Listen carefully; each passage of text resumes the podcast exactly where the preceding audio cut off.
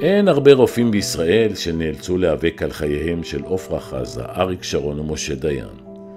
הוא נחשב לאחד הרופאים הבכירים למרות שלא התקבל ללימודי רפואה בארץ.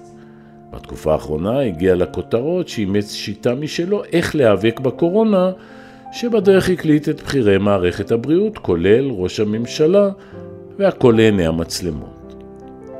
הוא נשוי לרותי, אחות במקצועה, להם חמישה ילדים שרק אחד מהם בחר להיות רופא. על ילדות בצל אב מכה, על הנתק עם בנו שהחליט בניגוד לציפיות האב ללמוד הוראה, והאם לדעתו אפשר היה להציל את עפרה חזה. אינטימי היום עם פרופסור זאב רוטשטיין. מסתכל קצת אחורה, ומה בעצם חשוב לנו בגיל שהגענו? אני חושב שחשוב שהצלחנו לעשות משהו, לתרום, לתת, להגיע להצלחה, שזה לא דבר טריוויאלי, בטח שלא אצלי. ועכשיו נשאר לך שכולם יוצאים החוצה קצת לעצמם, לנוח וכולי, לקחת עוד ג'וב ציבורי, לא פחות מורכב ומסובך מהג'וב הראשון שלי בשיבא, של נמשך 37 שנים, ולהתחיל מההתחלה. זה נותן סיפוק אדיר, במיוחד אם אתה מסוגל לעשות את מה שחלמת ורצית. ברור לך שנגיע לנקודה של אה, זה לא דבר טריוויאלי, בטח לא אצלי להצליח, אבל uh, עוד לפני זה, במהות uh, אין לך אלוהים, נכון? יש טענה כזאת שקשה מאוד לברוח ממנה, שאני רודף אלי קרב. אבל הטענה הזאת, בעיניי לפחות, היא לא נכונה. מה חשבת לעצמך שהקלטת את מנכ"ל שיבא ומנכ"לית קופת חולים ואת איש המוסד ואת ראש הממשלה לטובת אז תוכנית טלוויזיה? בואו נתחיל כך. אחד, האמת שאחרי חמישה שבועות שאתה צמוד למיקרופון, אתה לא שם לב עם מי אתה מדבר. אתה, הרי כל הרעיון בתוכנית הזאת היה, מלווים את רוטשטיין בשבועות של הקלטה ומצלמה מרחוק, ואתה שוקע לתוך זה. ברור לי לחלוטין שיצאתי, כדי שהשיחה שניהלתי עם ראש הממשלה לא תצא פומבי, יצאתי מהחדר שלי, הלכתי לחדר אחר, שכחתי שהמיקרופון עליי, ולא שמתי לב כל כך שהמצלמה מהפתח של החדר מצלמת. אז נכשלתי, ואני מקווה שאלה שהוקלטו על הדרך, אחד, לא דיברו שטויות, הם דיברו דברים נהדרים, ושניים, שיסלחו לי. מה, לא צלצלת מיד להתנצל? אני לא התנצלתי על שום דבר, וגם לא קיבלתי עד עכשיו שום פנייה או שום גערה. ניסית לדבר עם מישהו מאז? אנחנו חיים את החיים כרגיל. זה בסך הכל, בואו נבין, זה תוכנית טלוויזיה, תוכנית שמספקת מצד אחד את הבידור לאלה שצורכים בידור, מצד שני היא בעצם מנציחה איזו רוטינת עבודה מסוימת שהייתה בתקופת הקורונה. בוא נשמע קטע מהשיחה עם בנימין נתניהו. או עוד הפעם, זה כבר עכשיו לא? חטא על חטא. יצא אתמול ההוראה, פניתי לברסי ואמרתי לו, ברסי, תשחרר אותי מזה, ועד עכשיו הוא גם לא ענה לי מאתמול. מאיר, בבתי אבות אני התחלתי מבצע... אתה חושב שזה בית ראש הממשלה? זה בית... ראש הממשלה, תפסיק לחשוב על עצמך בתור זקן, כי אתה מעליב אותי, אנחנו כמעט באותו גיל. אני מנסה להגיד שבבתי אבות, אני התחלתי מבצע... אתה יודע בן כמה היה בן גוריון שהוא נהיה ראש ממשלה? אני מתאר לעצמי, אתה יודע היסטוריה יותר טוב ממני, אני מתאר לעצמי שהוא היה יותר מבוגר ממני וממך. אז אה, כן, זה היה סביבת הגיל. זו הייתה שיחה אינטימית, כמו התוכנית הזאת. אה, אבל לא היה בה סודות או דברים שבאמת היה צריך ללכת אה, ולהוציא צווי מניעה נגד הפרסום. אתה... אבל אני מרגיש לא טוב עם זה שהוא דיבר אליי לאוזן והדברים שלו חצו את גלי האתר והגיעו לכל אחד. אני מרגיש עם זה לא טוב, זה לא עושה לי טוב. דיברת איתו מאז? לא. ציטוט, יש כאלה שהגיעו אה, עם מונית שירות, ויש כאלה שהולכים על אבנים, ואתה כמובן מתייחס לכל הביוגרפיה שלך. אני מהחלק השני. מה זה? זה ציטוט אה, לא רק מדויק, אלא הוא, יש, הוא נושא איתו מסר מאוד ברור. גם כשאתה מרגיש שנכשלת בפעם הראשונה, בפעם השנייה והשלישית והרביעית, גם כשאתה מרגיש שכאילו נסגרו כל הדברים ואתה אולי אפילו לא יוצלח, תמשיך הלאה. תמשיך ללכת, תאמין בדרך, יש אבנים, יש חצץ, הידיים שלך שרוטות, הברכיים שלך מדממות, אבל אם תמשיך, סיכוי שאתה תצליח הוא גדול. היית מה שנקרא ילד מפתח, נכון? הייתי גם ילד מפתח. עבדת מגיל מאוד אה, צעיר. גדלתי בבית שלא היה משופע ביותר מדי דברים טובים, ואני נאלצתי למעשה ללכת לעבודה כבר מכיתה ו' בכל החופשות. תרמתי בצורה כזאת פרנסה של המשפחה, וזה המשיך. אני אתן לך את הדוגמה אולי הכי אה, בולטת, שהתחלתי ללמוד רפואה ולא קיבלו אותי לארץ, והייתי צריך לממן לימודים בחוץ לארץ, אז גמרתי את הבחינות נורא מוקדם, אחרי שמונה חודשים, חזרתי ארצה, ובארבעה חודשים, שממלאים לשנה, עבדתי בתוך טכנאי בבוקר וכרטיסן בקו חמש בתור סטודנט לרפואה בתל אביב, זהירות מהדלת, ככה עד אחת בלילה. רוב הזמן לדעתי ישנתי, כי הייתי הרוג מרוב אליפות. אבל היית סובלני, אני תוהה ככרטיסן, או היה לך גם שם פתיל קצר? אה, לא, זה היה בסדר. אני מוכרח להגיד שמאוד נהניתי. התקופה הזאת זכורה לי מאוד לטוב. התחברתי ממש לאנשים, יש גם אנשים קבועים באוטובוס, וזה משהו חריג לחלוטין. המוטו של השנים האלה היה בעצם אה, לרצות את אבא? אי אפשר היה לרצות את האבא שלי. אבא שלי היה, היה קשה. היה איש קשה מאוד, חייו אה, לא היו קלים מההתחלה ועד הסוף, אה, יליד ירושלים. אה, אבא שלי כבר בגיל צעיר מאוד, בימי חמישי סחב שק על הגב עם חלות שסבתא שלי עפתה כדי שיהיה שבת במשפחה. הוא בגיל 13 התחיל לעבוד, לא למד יותר מדי, ובנה את עצמו באמת תוך עבודה קשה, ולא היה לו קל, ורצה יותר מכל שהבן שלו, הבן, אני יש לי גם אחות, אבל שהבן שלו, יהיה לו חיים יותר קלים ויותר טובים ממנו. הוא לא חסך את שבטו לא, לא, לא, לא, בתקופה ההיא אני הכרתי כל חלק אצלי בגוף. באיזה תדירות? זה תלוי, לפעמים יותר, לפעמים פחות.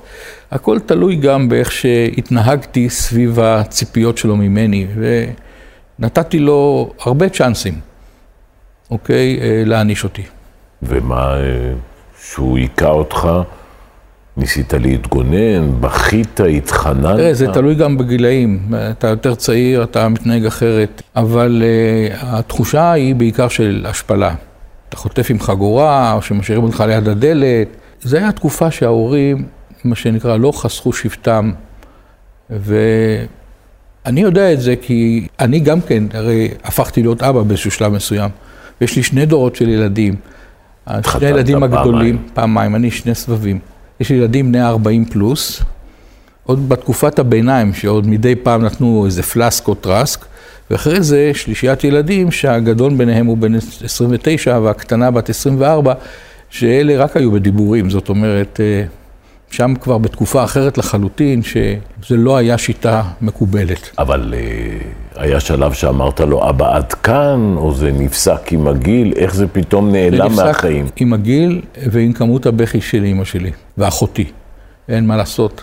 אלו היו המצילים בעם. אה, הוא היכה רק אותך? רק אותי. את אחותך לא. אה, נדיר. גם שהודחת מקורס טיס, גם שם הרגשת מבוהל לספר לו את זה? הרגשתי בושה. התביישתי נורא. תשמע, נורא רציתי להצליח. זה לא שאני הלכתי והייתי פרא אדם סתם. זו הייתה אחת התקופות הכי מאושרות בחיי, שהייתי עם שני הקוטפות, עם שני הפסים על הקוטפת, וזה פתח לי חיים אחרים. כמה שזה מוזר, שאני אותו אחד, אבל עם שני הפסים האלה על הכתף, הייתי משהו אחר. גם בעיני עצמי. פתאום נהיה לי ערך עצמי, מה שלא היה לי כלום ומה קודם. ומה קורה לערך הזה שמדיחים אותך? כשאתה עומד ופורם את הספס הלבן על הכובע, אתה שוקל ברצינות האם יש טעם להמשיך בחיים כן או לא. אתה, זה עובר לך בראש. מה, מחשבות אובדניות? גם. הן לא מגובשות, איך שאומרים הפסיכיאטרים, אבל אתה שואל את עצמך, כי זה, זה לא הכישלון ראשון, זה כישלון אחרי כישלון אחרי כישלון. וכשאתה פורם את הסרט, זה, הייתי אומר שאולי זה הכישלון של החיים, שהיום אני מסתכל על זה לראות כמה הייתי טיפש, כי זה בעצם פתח לי את הדרך קדימה להצלחות עתידיות, אבל לא הרגשתי כך. אבל זה מאוד יומרני עם היכולות האלה לנסות להתקבל לרפואה בארץ, לא? לא להתקבל פעמיים. שנתיים. לא, פעם ראשונה לפני הצבא, במסגרת העתודה, ופעם שנייה לאחר הצבא. אתה יומיים אחרי השחרור שלך, עם שתי מזוודות גדולות, בלי הורים, אתה עולה על מטוס, בפעם הראשונה בחיים על מטוס אזרחי, כן? ואתה נוסע למדינה זרה שאתה לא מדבר את השפה.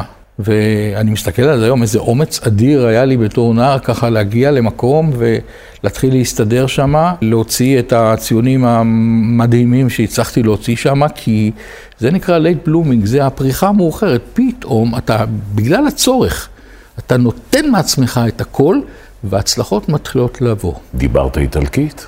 לא הייתה לי ברירה. אפילו בשביל לקנות לחם היית צריך לדבר באיטלקית. בשביל למצוא חדר להשכיר היית צריך לדבר איטלקית. כל דבר, הכל היה באיטלקית. בתקופה ההיא באיטליה לא הייתה שפה אנגלית, שפה כלשהי תופסת. הלימודים כולם היו. אני בשנה הראשונה הייתי מתלבט עם עצמי אם אני לומד עכשיו פיזיקה או כימיה, כי לא הבנתי מה מדברים בכיתה ממילא. אז זה לא היה קל, אבל זה אתגר, וזה בונה אותך. זה מאוד מעניין שכל הכישלונות המצטברים וההלקאה העצמית והאבא התובעני, אתה יודע, זה יכול לדכא ולסרס, ואצלך זה, זה נתן איזו מוטיבציה. תראה, זה נכון, וכנראה שצריך אופי שונה, וחוץ מזה, אל תשכח שהייתה לי אימא. האימא הייתה בשבילי סמל ללבנה. באמת, סמל למישהי ברמה מאוד מאוד גבוהה, עם אישיות מדהימה, אישה פשוטה אמנם, אבל היא הגיעה להמון בעצמה, גם כן בלי ללמוד באותה תקופה. והיא סימנה לי דרך חיים. אם יש לי ערכים, זה בא ממנה. מגיע לה הרבה קרדיט, גם על הסבלנות שהייתה לה, גם על היכולת שלה להגן עליי בדברים בלתי צפויים, ולעצב אותי, אני חושב, ולא הייתי מגיע למה שהגעתי, לולא היה גם את האימא בבית. אתה מחליט באיזשהו שלב ללמוד מנהל עסקים. כן. ומוטקה שני, המנהל האגדי, שם לך פתק בכיס ואומר לך, אתה תהיה המנהל הבא של שיבא. הוא זיהה אותי כמה שנים, מה שנקרא, אה, קודם, בזמן שביתת הרופאים. הוא ראה אותי, מתמחה שנה שנייה, אה, לוקח על עצמו לנהל מערכת של שביתה של כל רופאי ישראל. אה, וכנראה שהתבלטתי... מנהיג בועט ומורד. זהו, עד גבול מסוכן, כי הדבר שיצא עליי בכתובים אז, שאני לא פחות ממוסוליני. כן, זאת אומרת, גם את התואר הזה הספקתי. מוסוליני ברמת השליטה ברמת בארגון. השליטה. זה האירוע שכאילו מוסוליני עומד על המרפסת ומדבר לכל העם, לי יצא בזמן השביתה לעמוד על מרפסת בכפר הירוק ולדבר אל רופאי ישראל. מתמחה שנה שנייה. יותר מדוע? מאוחר ב-2011 בשביתת הרופאים גם הסתכסכת עם ליצמן. כן. אז הוא היה סגן שר. הוא היה סגן שר, שר, זה התנדנד אצלו. אמרת שהמקוואות יותר מעניינות אותו מהרפואה. אני לא חסכתי בלשוני מהתוצאות של אותה שביתה, בוא אני אשים לך את זה ישר בפנים. מעריב, יום אחרי שחתמו הסכם שכר עם ההסתדרות הרפואית, מופיע רוטשטיין על העמוד הראשון ואומר, ירקו בפרצוף של הרופאים בישראל. נו. תמיד הייתה בך איזה בוטות. אני לא בוטה, אני יותר ישיר, אני הייתי אומר. גם אם זה גובל לפעמים אצל מי ששומע אותי בתור בוטות. אבל יש בזה איזה קהות חושים? כלומר, אתה מבחין שהצד השני נפגע? בטח. איזה שאלה. אתה גם יודע להתנצל. אני רוצה להחזיר אותך לרגע אחד, שאתה כבר uh, מנהל, ואתה פשוט uh, יוצא לציבור עם ההודעה הבאה. משפחתה של עופרה והמרכז הרפואי על שם שיבא מודיעים בצער רב ובכאב על פטירתה בטרם עת של עופרה חזה אשכנזי ז"ל. אתה מחזיר אותי קצת לדמעות, אבל זה כנראה פירושו של אינטימי, לא?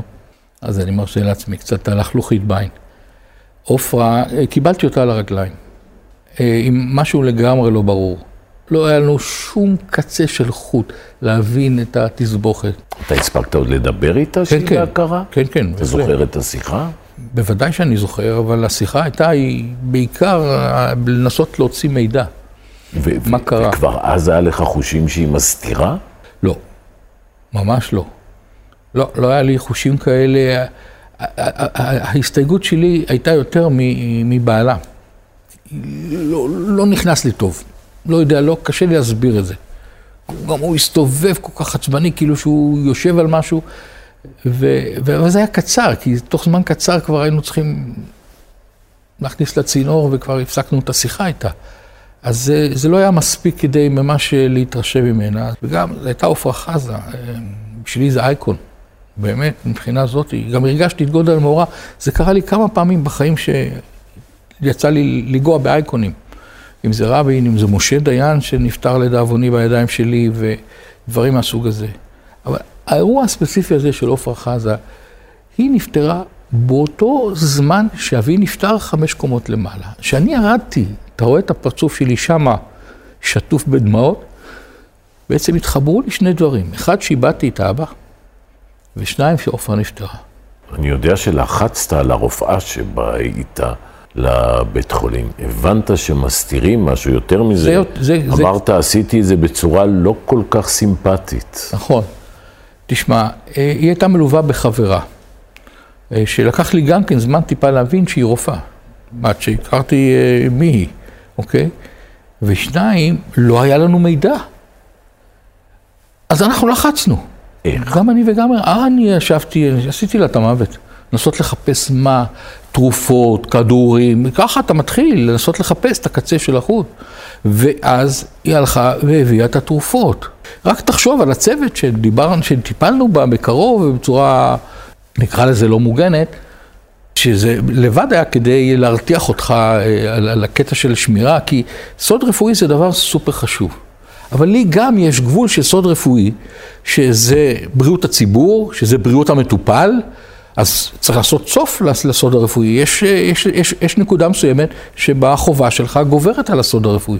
לא בשביל לעניין את הציבור, כי עד, אחד, עד עכשיו, כולל אתה, גם לא שמעת ממני מה היה בדיוק לעופרה. והמשפחה שלי תמיד צוחקים ממני, שהרי הם תמיד שאלו אותי, מה קרה, מה היה לעופרה חזה, והתשובה הסטנדרטית שלי, היה לה כשל רב-מערכתי. עכשיו, אני הפכתי להיות בדיחה בעיני המשפחה שלי, כי הם קוראים לי כשל רב-מערכתי.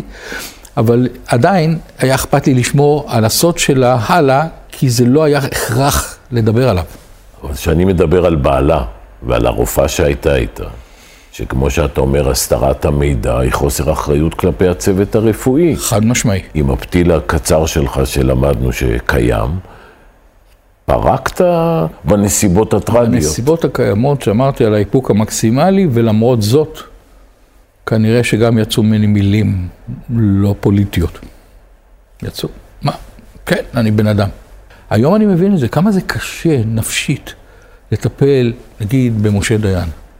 אתה, אתה מבין, ילד צעיר כמוני, מתמחה בשנה השנייה או השלישית שלו בקרדיולוגיה, ואני צריך לטפל במשה דיין. האייקון, הסמל של מדינת ישראל, ולא, הוא לא היה במיטבו אה, באותה תקופה במיטה.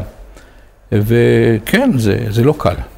אבל תראה, אה, כנראה שבקריירה של אה, בן אדם הוא עובר כל מיני חוויות, גם חוויות טובות, גם חוויות בינוניות, וגם חוויות שלא נשמע, שלא נדע. כן, אמרת שהתחתנת פעמיים. כן. את האישה השנייה הכרת בנסיבות שאני לא יודע אם היו עוברות היום מורה ותלמידה. נסיבות קלאסיות.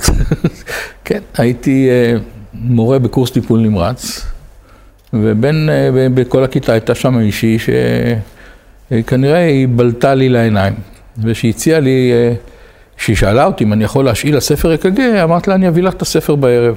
וככה, זה ממשיך, קלאסי. והשאר זה היסטוריה. השאר לגמרי, היסטוריה טובה. אתה אמרת שצריך הרבה כוחות כדי להכיל אותך. יש לי את המזל, שאני חושב שרותי, אשתי, היא קצת מזכירה לי את אימא שלי ביכולות שלה ובאופי שלה. וזה לא פשוט, עם טיפוס כמוני, ועובדה, אנחנו ביחד הרבה שנים.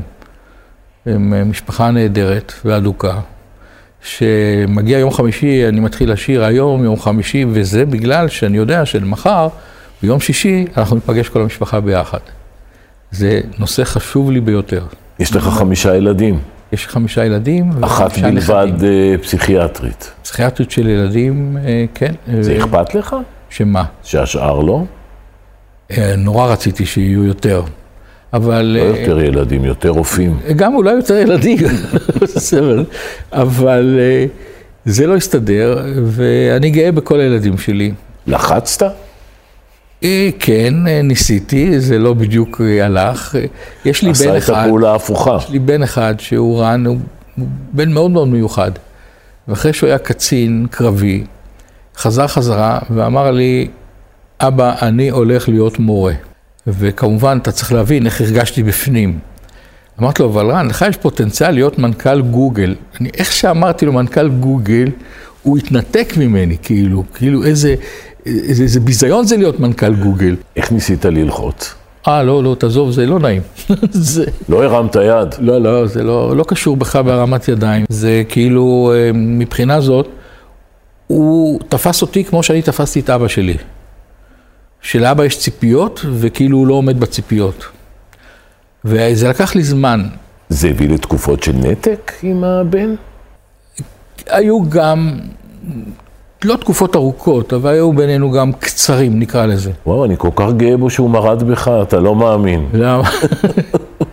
לא, יש לו יכולות, זה, זה לא פשוט. אה, אה, מכיוון שתיארת שאתה בא ממקום שלא היה בו כסף, היום אתה בן אדם עשיר? לא, אבל אני בסדר, כלכלית.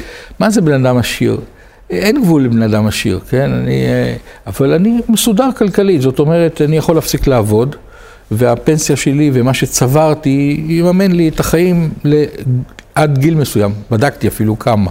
לא, ראיתי אותך מצטלם עם המטוס במקור. כן, כן, אבל זה לא מה- חשבתי לעצמי שזה סוג של show-off, תראו מאיפה באתי ולמה הגעתי. אה, לא, זה יותר שייך לתכונה שיש לי unfinished business עם משהו, אני איכשהו חייב. לחזור חזרה. כן, מתמטיקה 6 בבגרות, מה אתה עושה עם זה? אז יש כאלה הולכים למקצועות הומניים, ויש כאלה שהולכים, כמו שאמרת, למנהל עסקים ועושים שלושה קורסים במתמטיקה. בשביל להוכיח, ומוציאים 100 במתמטיקה באוניברסיטה, שהשתגעתי עם עצמי איך עשיתי את זה, אבל אני ידעתי שעשיתי וי על הנושא הזה, על אותה פרימה של הפס הלבן בקורס טיס, ליום הולדת 60, הכנתי לעצמי הפתעה שאף אחד לא ידע אותה. הלכתי, נסעתי לארצות הברית, לקחתי חופשה ועשיתי רישיון טיס פרטי. כי אמרתי, אם אני רציתי להיות לבד באוויר בתור שאיפה ונכשלתי, אני אחזור חזרה עוד הפעם, בסוף אני אנצח. ככה זה ליווה אותי הרבה. מה שלא הצלחתי, חזרתי עוד הפעם. זה עוד מסר אחד בסיפור לא להרים ידיים, להמשיך הלאה. בסוף, אם יש לך, ואני אומר את זה להרבה, אני רואה הרבה חבר'ה שבאים אליי צעירים להתייעץ איתה, איתי, ושואלים אותי, לא התקבלנו לבית ספר רפואה, פעם, פעמיים, מה לעשות הלאה? לכולם אני אומר באוזן, חבר'ה, אם תרצו מספיק, אתם תהיו רופאים. אולי אפילו גם רופאים יותר טובים, כי אתם באמת רוצים. לא פעם ולא פעמיים ולא הרמתם ידיים, אתם תהיו רופאים יותר טובים. ברטרוספקטיבה של 70 שנות חיים, אמרנו חצי הדרך, מה היית רוצה לשנות בעצמך?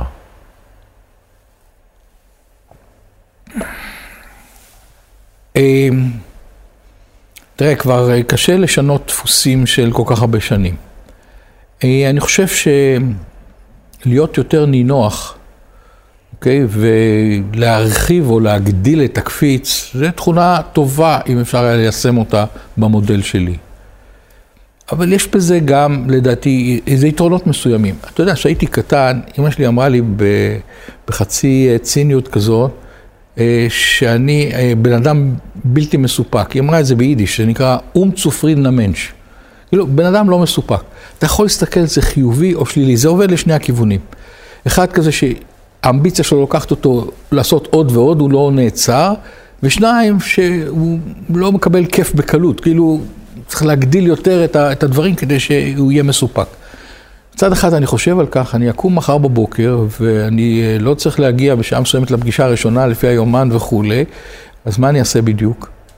וזה משגע אותי, ואז אני גם לא ישן בלילה. לפעמים לפני יום שישי, לפני שהיה לי מה לעשות בצורה מסודרת, היה לי קשה להירדם ביום חמישי בלילה, כי מה אני אעשה בבוקר? לא כתוב לי כלום ביומן. לעתים קרובות אה, קשה לך להירדם בלילה? מאוד, כמעט כל לילה, כן. חוזרים אליי המון מחשבות, חוזרים אליי, חוזרות אליי, סליחה, אה, מחשבות. מחשבות, אבל לא חרדות. פחות חרדות, חרדות היו לי קצת אחרי המלחמה ביום כיפור. אבל uh, זה תורגם, ההלם קרב, היום אני יודע להגיד מילה, את המילה הלם קרב שלא חשבתי על כך uh, באותה תקופה, אחרי המלחמה, אבל זה תורגם לנושא אחר לגמרי. זה תורגם לכך שאיך שחזרתי חזרה מהמלחמה, מה שהטריד אותי הכי הרבה, שרמי חברי הטוב מהתיכון, שנעלם בהבזק של פגז שפגע בטנק שלו, לא השאיר שום דבר אחריו, הוא היה ילד יחיד ולא נשאר כלום. התפיסה הזאת שלא נשאר כלום אחריו, הרגה אותי. אמרתי, קורה לי משהו, לא נשאר כלום אחריי. זה נשמע פסיכי, אבל אני יודע לחבר את זה למה שקרה. לא מעט מחבריי נעלמו. וזה משפיע עליך, אין מה לעשות, וזה מתועל לאיזה משהו. אצלי זה תועל לכך שרצתי להתחתן, רצתי מיד, מה שנקרא, שיהיה לי איזה ילדים בתוך הסיפור הזה, ורצתי כמו משוגע לקריירה, לא חיכיתי יום, וכשסיימתי את הלימודים, מצאתי את עצמי בתור רופא מחליף בגבעת שמואל, כדי שלא יהיה איזה יום של חופש, חס וחלילה. אתה יודע שהשיחה הזו הוקלטה, כן? אני חושב שהתוכנית עצמה היא לא פשוטה. יש שתי תוכניות שהן קשות מאוד לכל מי שעובר אותן, זה עובדה ו- והמקור. ובכוונה, אם אתה שמת לב, אני לא הייתי אה, נוכח בכל האולפנים האלה כל יום לספר על תחזיות וכולי. אינטימי זה תוכנית יותר קלה או יותר קשה לך מהופעה אינטימי בטלוויזיה? זו תוכנית שבעצם משאירה משהו אחריך. זה לגאסי. בשיחה איתך היום עלו פה דברים, יש פה מסרים שאנחנו מוסרים אותם גם הלאה. לאנשים אחרים, לצעירים שמתחבטים, לילדים, למשפחה. ואני חושב שזו תוכנית שהיא תוכנית לגאסי, היא לא תוכנית צהובה, היא תוכנית אמיתית, אתה יורד לנבחי האדם עצמו, אני שומע את התוכנית שלך, אני, סליחה, צופה בתוכנית שלך, ואני מסתכל על האנשים ואני לומד המון דברים, מאנשים אחרים שנפתחים. וזה חשוב, אני חושב שזה חלק מתוך העולם שלנו, וזה לא איזה עולם צהוב תרבותי. פרופסור רוטשטיין, היה לי לעונג. תודה רבה. אז אנחנו לא נלחץ ידיים. לא.